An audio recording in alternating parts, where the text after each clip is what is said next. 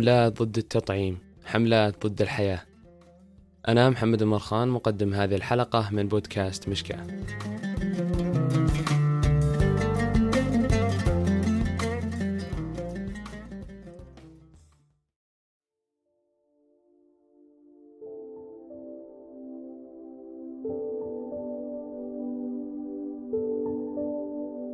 بنبرة متصاعدة بدأت في الظهور مؤخرا أصوات تحذر من تناول الأطفال جرعات التطعيمات الأساسية تستند تلك الجهات الطبية إلى دراسات متناثرة تربط بين التطعيمات وبين الإصابة بأمراض عدة. I've heard of many tragic cases of walking, talking, normal children who wound up with profound mental disorders after vaccines. Anti vaccine propaganda has long targeted immunization against childhood diseases like measles. تطعيمات الأطفال تثير جدلا.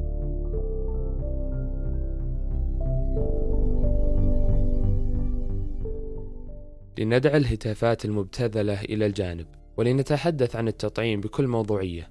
نحن لا ندعي أن أخذ التطعيم لا تترتب عليه في بعض الأحيان أعراضا جانبية. ولكن عند موازنة المنفعة والضرر ستجد حتما أن أخذ التطعيم ليس فقط مهم للأطفال وحديثي الولادة ولكن يجب أن يقتنع به الآباء والأمهات في المنازل حتى لا تنتشر الأوبئة.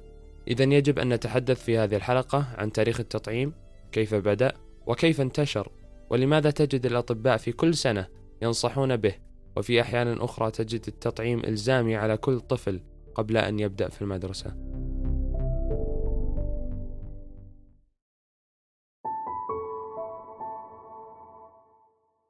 كان مرض الجدري قبل القرن الثامن عشر منتشر بكثرة.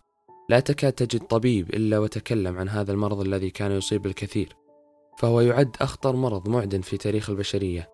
كان معدل الوفاة لمرض الجدري هو 30% أي أن ثلاث أشخاص يموتون من أصل عشرة أصيبوا بهذا المرض.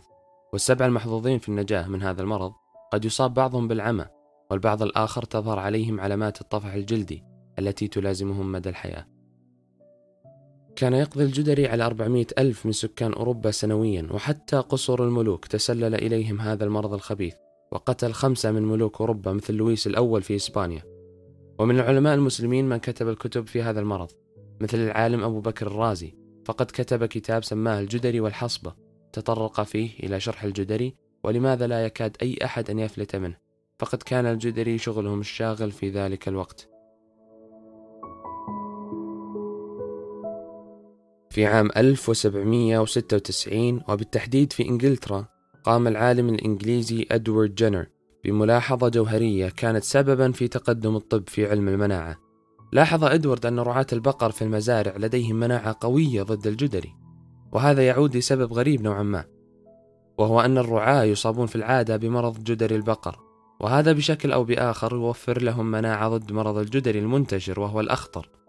بعدما لاحظ إدوارد هذا قام بتجربة قد يقول البعض أنها انتحارية على طفل بعمر التاسعة تقريبا وهو ابن لمزارعة تعمل لدى إدوارد بدأ إدوارد بحقن الطفل بجدري البقر وانتظر شهر تقريبا ثم حقن الطفل بالجدري. ولاحظ إدوارد أن أعراض الجدري لم تظهر على الطفل ولم يتأثر بسبب المناعة التي حصل عليها من جدري البقر.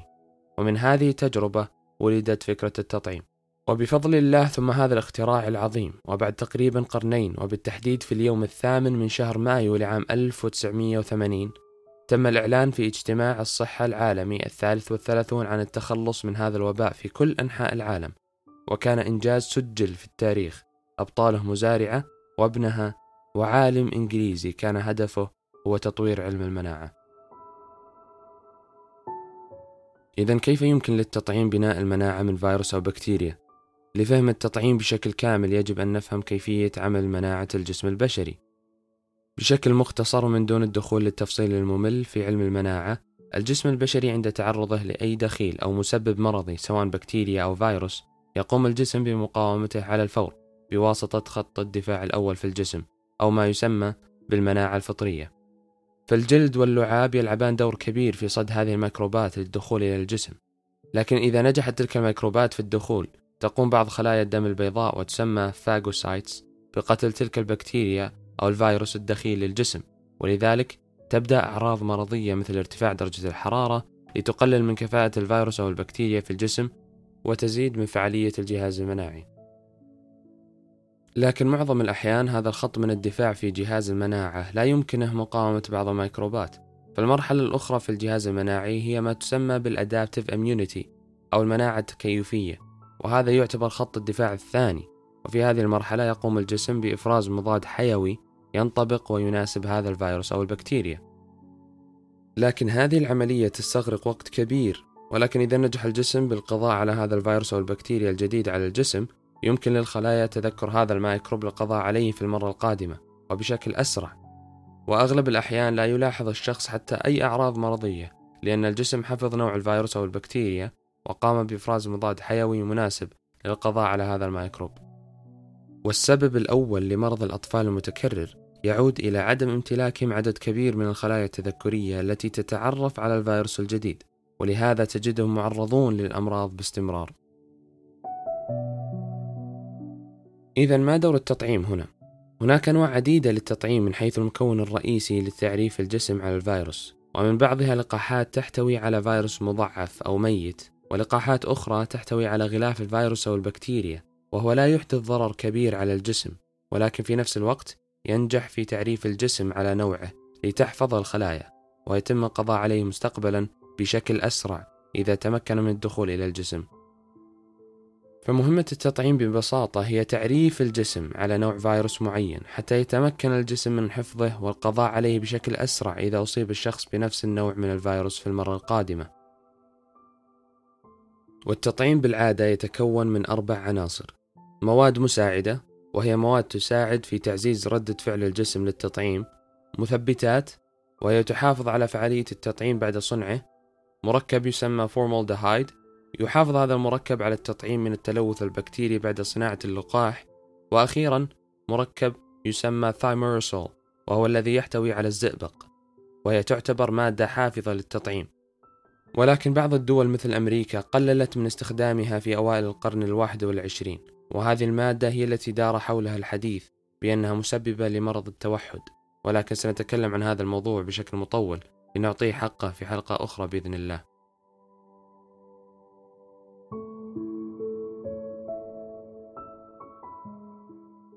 من المهم جدا عند اتخاذ قرار ما أن نوازن بين النفع والضرر المترتب على اتخاذ هذا القرار. التطعيم نعم يسبب بعض الأعراض الجانبية وفي أغلب الأحيان قد تكاد لا تذكر، لكن في الجهة المقابلة إذا استغنى الشخص عن اللقاح فهذا قد يزيد من فرصة معاناة شعوب وليست فقط أفراد. خذ هذا المثال البسيط لتتضح لك الصورة. لنفترض أن شخص ما لا يريد أخذ لقاح ضد الحصبة الألمانية، وهو بالعادة لقاح يسمى MMR وافترض أنه تعرض لفيروس الحصبة الألمانية بشكل أو بآخر لأنه فيروس معدن ينتقل عبر الاتصال المباشر إذا قدر الله ونقل هذا الشخص الفيروس لامرأة حامل فاحتمال موت الجنين أو إصابته بتشوهات خلقية تستمر مدى الحياة هي كبيرة جدا. فالأسلم في هذه الحالة هو أخذ هذا اللقاح حتى نتجنب هذه العواقب الوخيمة. فالضرر هنا أكبر من النفع إذا استغنى هذا الشخص عنه. ماذا إذا أصبح ابنك أو أحد أفراد العائلة لا يمكن أخذ التطعيم لسبب صحي؟ فبعض الأشخاص معرضون لأعراض قد تكون مميتة. فمثلا من لديهم جهاز مناعي ضعيف إما بسبب مرض معين مثل مرضى السرطان لأخذهم دواء كيماوي مرضى السكري مصابي فيروس نقص المناعة البشري والإيدز وغيرها من الأمراض. قد يكون أخذهم لبعض اللقاحات بمثابة انتحار. وأيضا من يظهر عليهم حساسية شديدة من بعض اللقاحات فهناك بعض الفحوصات التي تحدد ما إذا كان اللقاح آمن لتناوله.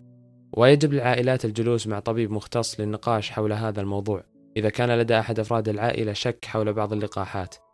نسبة هؤلاء الأشخاص الذين لا يمكنهم تناول التطعيم ضئيلة جدا. كما جاء في دراسة لمنظمة الصحة العالمية فإن واحد إلى اثنين من كل مليون شخص أظهروا ردة فعل شديدة للقاح الإنفلونزا الموسمي والإحصائيات من لقاح إلى آخر تختلف طبعا. لكن هذا مثال بسيط لنوضح أن نسبة هؤلاء الأشخاص قليلة جدا. ولكن يجب أيضا أن نضع في الحسبان حماية هؤلاء الأفراد حتى وإن كانوا قلة. والحل لهذه الحالة أن نلزم لمن حول من لا يستطيع تناول التطعيم أن يأخذوا اللقاح حتى لا ينتشر الفيروس إلى من لديهم مناعة ضعيفة ولم يتمكنوا من أخذ التطعيم. وبهذا يصبح المجتمع أكثر ردعا لهذا الفيروس بإذن الله. هذا ما يسمى بالهيرد اميونيتي أو حصانة القطيع. لذلك يجب لمن لديه من لا يستطيع تناول اللقاح أن يكون أول الداعمين لفكرة تطعيم المجتمع.